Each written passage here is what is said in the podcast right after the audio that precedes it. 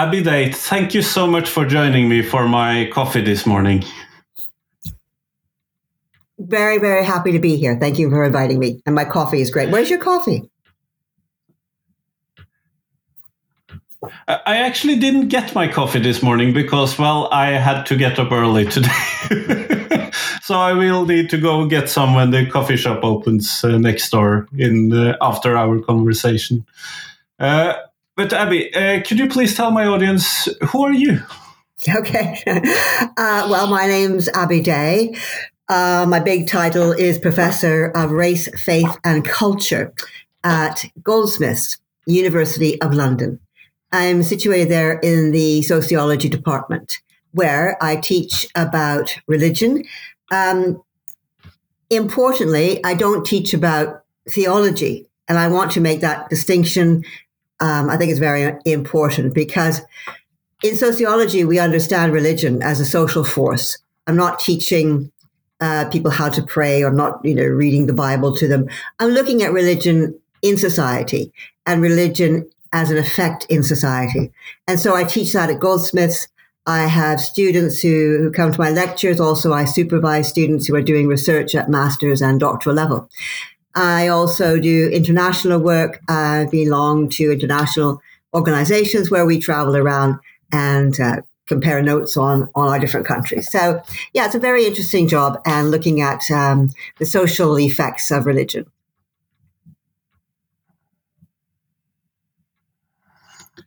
Thank you so much for that. And it's these social effects and the changes to that social landscape that we are going to talk about today. And in the UK, how do you know what religion people has, what life stance people has. How do you know where they belong? How do you uh, find out these things? Okay, those were five questions. Shall I break them down? Because you have asked really interesting questions that are all interlocked. So you asked a question about belonging, for example. Please do. yeah, no, no, because you, you, yeah. you, you play into my main theme here, which is very difficult to know what we're talking about, depending how we're measuring it. Okay, so top line the UK has a census that comes around every 10 years. And in the census, they ask a number of questions, obviously. And since 2001, they have had a question on the census that says, What is your religion? Now, every 10 years, they ask that question. So we do have a measure of what's going on there. Now, some people may argue that's not the best way to understand what people are, are on about. So we do actually compare that with other quantitative data as well. The most commonly used is the British Social Attitude Survey, which also comes around. They have a question on religion every few years. So we have some large scale quantitative data. And then we have people like me drill down using qualitative work. We do more interviews to find out what people are meaning, what they're thinking when they're saying this. Um, and so, in answer to your question, we have a number of measures in answer to certain questions. Now, very few questions, quantitative questions, are 100% satisfactory. For example, the question, what is your religion? Is as, you know, even people who aren't on doing high level statistics know, it's really quite a bad question because what is your religion assumes you have one. so it's not a great question. But anyway, it is a measurement we have. Yeah. Um, and what we see on that top line census data is we see that those people, oh, sorry. So it says, what is your religion? And then it gives you on the census a drop down menu that you can tick a box. On 2001, when the question was first put out there, one of the options was none. And I did my, was doing my research around this time. And because of my research, which really looked at the qualitative aspects, I was asked by the Office uh, of National Statistics, the government body that does the census, to join their advisory board to advise them about how they're asking questions and interpreting it. I'm happy to say I'm, I'm, I'm the only qualitative academic on that advisory board. So everybody else is talking about statistics and I don't know, you know, logistical regression or something. And every now and then I say, but what do you mean by that question? And the room sometimes falls silent. People have to think, yeah, what do we mean by that question? so it's not a great question. It forces an answer. And I've particularly objected, and I think this is quite relevant to humanists. I particularly objected to the tick box option that said none. Because when I did my qualitative research around the census questions, I found out that even people who would not necessarily identify as religious had lots of other beliefs. And to say none just presents them as a, an empty category. And I know in academic research, it's very convenient sometimes to have shorthand. And some people talk about people with no religion as the nones. And then, of course, they make the statutory funny joke that we're not talking about nuns as in holy women, N U N S. We're talking about nones as in no religion, N O N E S. You can imagine how that joke gets really, really boring after 10 years, 20 years of it. But anyway, I still think it's a wrong kind of term for people. When I did my research, I found out that people who have no religious beliefs have all sorts of other beliefs. Um, so one of my campaigns with the census body was to change that option. And I was pleased that on the next round of questions, 2011, the drop down did not say none. It said no religion. And I think that's a fairer answer. So anyway, there's this drop down menu and you can say Christian, you can say no religion, and then you can say one of the other five major religions. Or you can say other, and you can write in a box what you mean by that. So they collect this data over the years. Um, other quantitative questions, which are better, would say something like, Do you have a religion you belong to?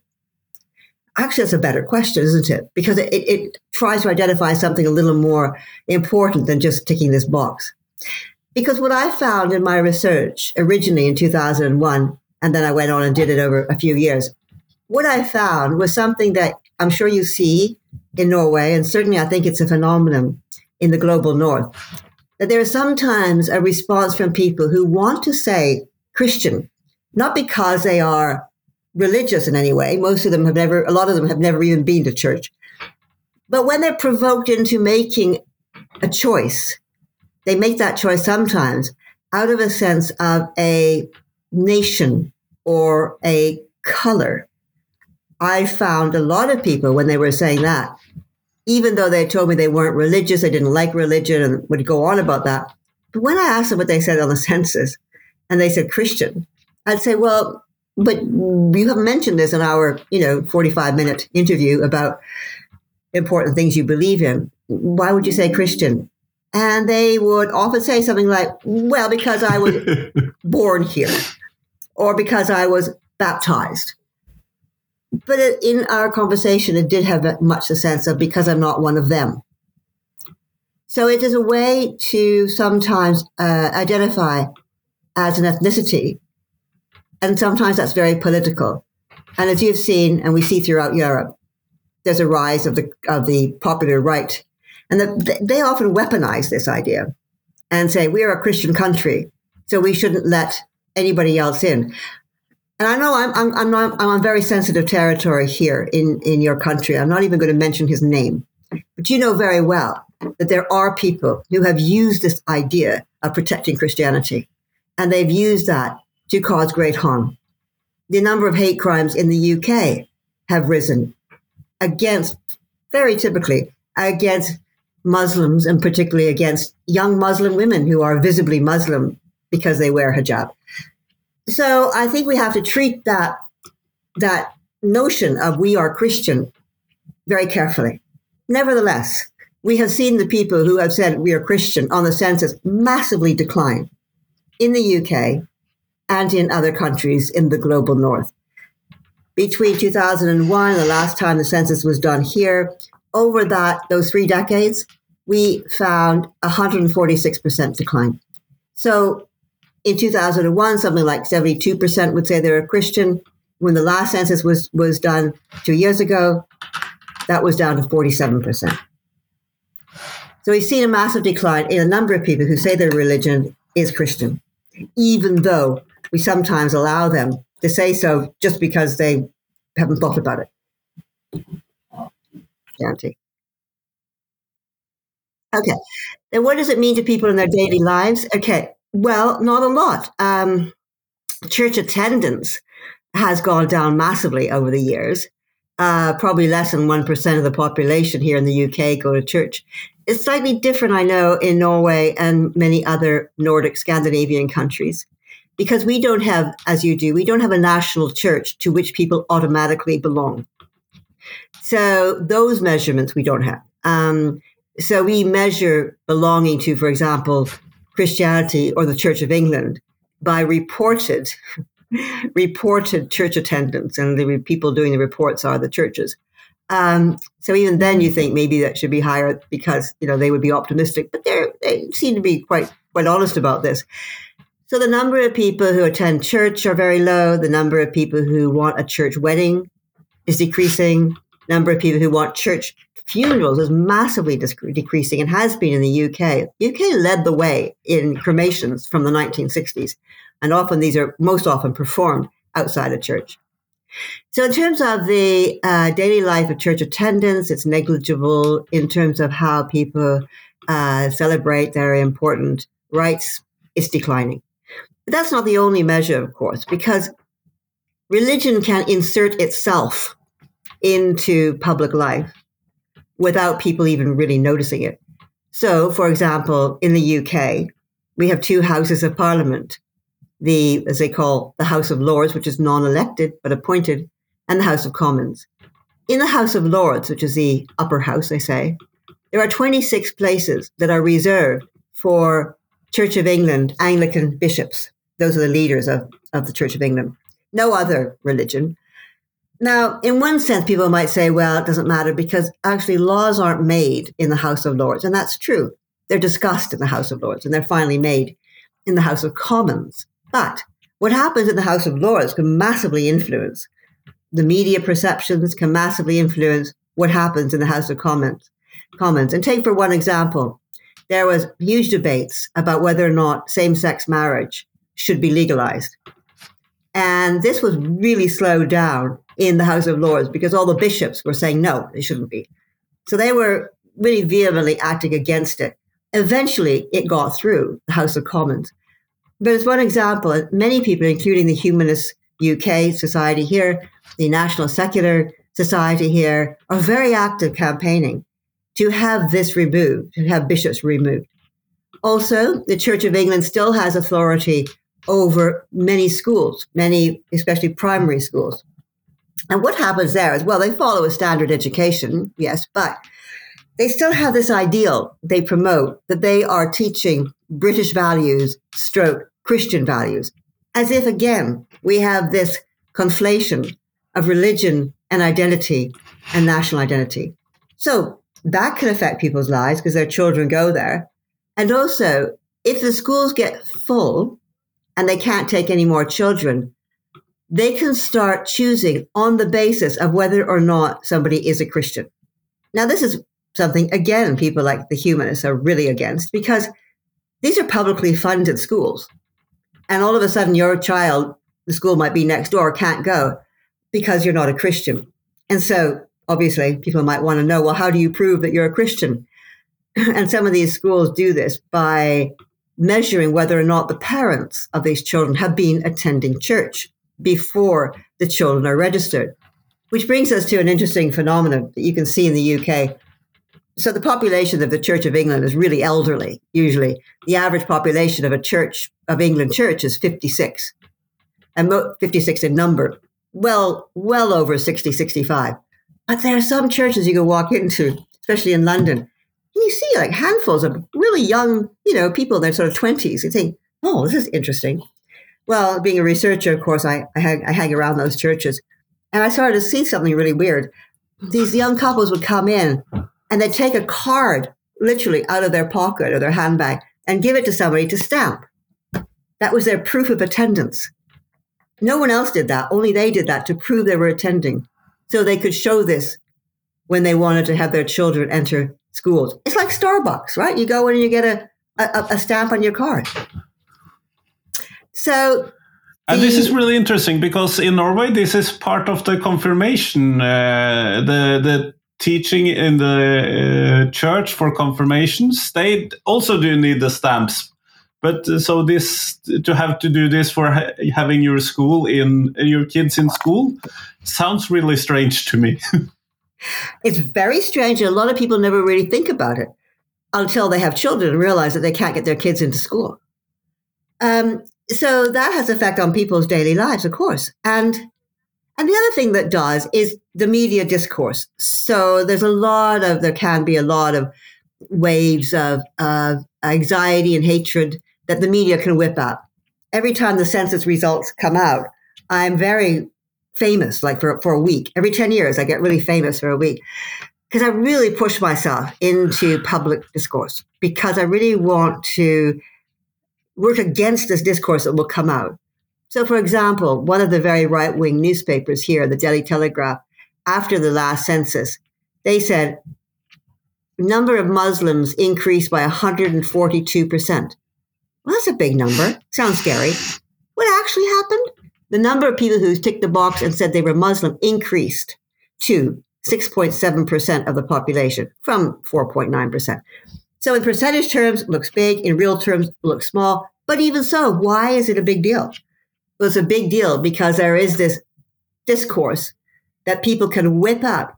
And it's this, you know, you probably have heard about this replacement theory. We've got to be really careful that, you know, white people keep having babies because if we don't, you know, one day, you know, Muslim people will outnumber us. And it's just, it's just ridiculously, horribly, well, one, you know, wrong. And actually, interesting enough, I don't know why I mentioned Norway, but I did for some reason when I was interviewed about the census a few years ago. And somebody mentioned this and said, you know, what about the increase in, in the number of, of Muslims and particularly, you know, you know, Muslim babies? So Muslim babies, right. I said, why do people ask me about Muslim babies? Why aren't you asking me about Norwegian babies? I did actually say Norwegian. But what I'm saying is, why is this the issue? Right? well, the issue is, of course, racist. And so people saying, oh, you know, they're going to have babies and they're going to outnumber us. First of all, no, they're not going to have babies. They, being, I presume, I mean women, um, they're not going to have babies. I mean, the fertility rates of, uh, of Muslims are very, very similar to anybody. What's important is that the Christian elderly population is dying off. The biggest form of a new religious category is that category of no religion. And that's been increasing massively from when it was first measured in 2001 is around 14%. Now it's in the mid 30s. And if you you take other other demographic factors and look at that, you'll see that those are younger people. By young, I mean you know anybody up to about the age of forty. So this is generational replacement. It's not replacement of, of numbers. It's not people defecting to new religions or another religion. It's people being raised as they have been raised over the last two generations without religion. And I see that change. I think you're remembering my, we discussed this before, my, my research into baby boomers those people born 1945 onwards, became were less religious than their parents, but most importantly, they raised their children to be not religious. And so those generations are coming through the baby boomers, the millenniums, the Gen Zs, the alpha generations. These are coming through now as young people who have never been raised to be religious. And all we know in, in social theory is religion is transmitted generally through the family at first. And so if that doesn't happen, then it's not really going to happen. So what we're seeing here is generational replacement of people who are less and less getting their children to go to church or to identify in any way of, of that. Um, so I think that's really an important stage that we need to understand.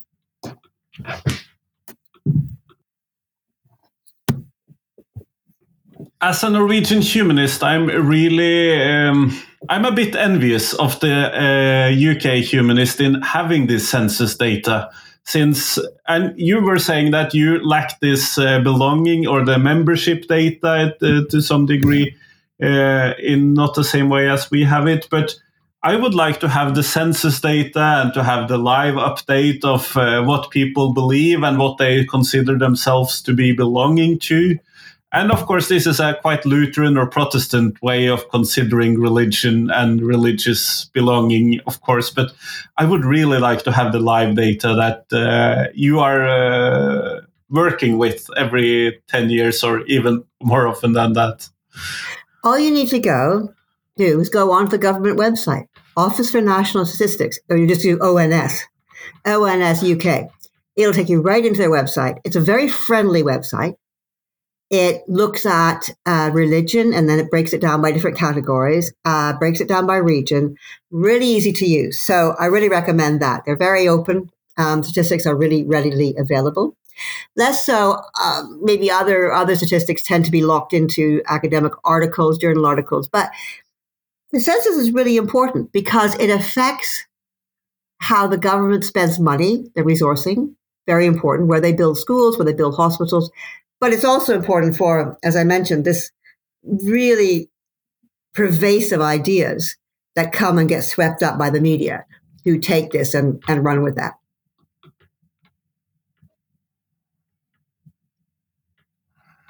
Thank you so much for spending your morning with me, Abby. And I, I'm sure I could listen to you all day. But thank you so much for participating in uh, this talk. Well, thanks for having me. It's been really interesting. Thank you.